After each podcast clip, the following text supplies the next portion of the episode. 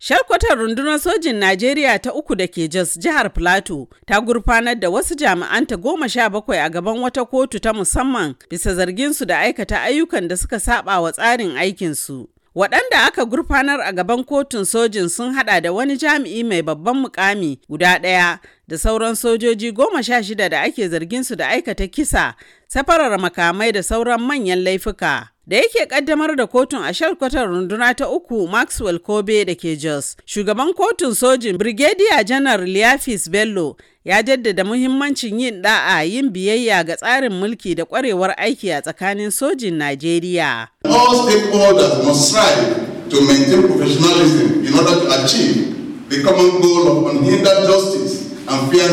to everybody.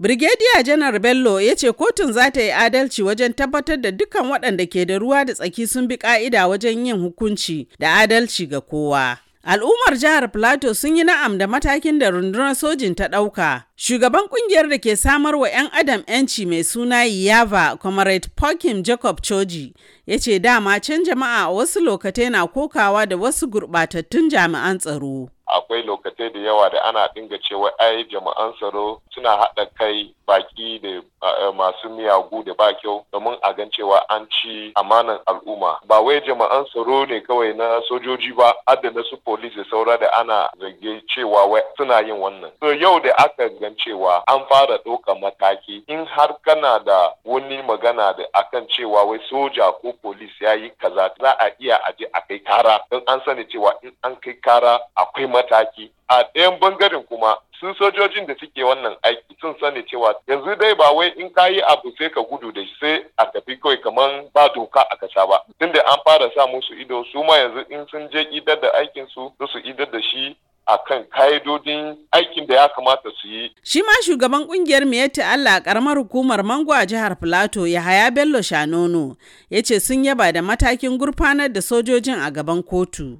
Wannan tsarin da aka ɗauka a gaskiya ne ina ga an ɗauki mataki wanda zai taimaka duka ɓangarorin biyu misali mu kaddara ko a ɓangaren Fulani in muna da korafi a kansu sai muka gani gwamnati ta ɗauki mataki a ɓangaren soja an sa doka wanda in soja ma ya ɗauki doka akwai kotun da aka sa musamman domin sojoji gaskiya ɗauka wannan matakin zai taimaka ƙwarai da gaskiya. Tun farko alkalin kotun sojin Manjo Nasir Abdullahi ya ce gurfanar da waɗanda ake zargin na nuni da cewa runduna ta uku ba da wasa take ba wajen yin adalci ba tare da la'akari da matsayin jami'i ba. One of the aims of court martial is to achieve timely and quick dispensation of justice. Kotun ta ɗage sauraron ƙararrakin ne zuwa ranar 6 ga watan Maris.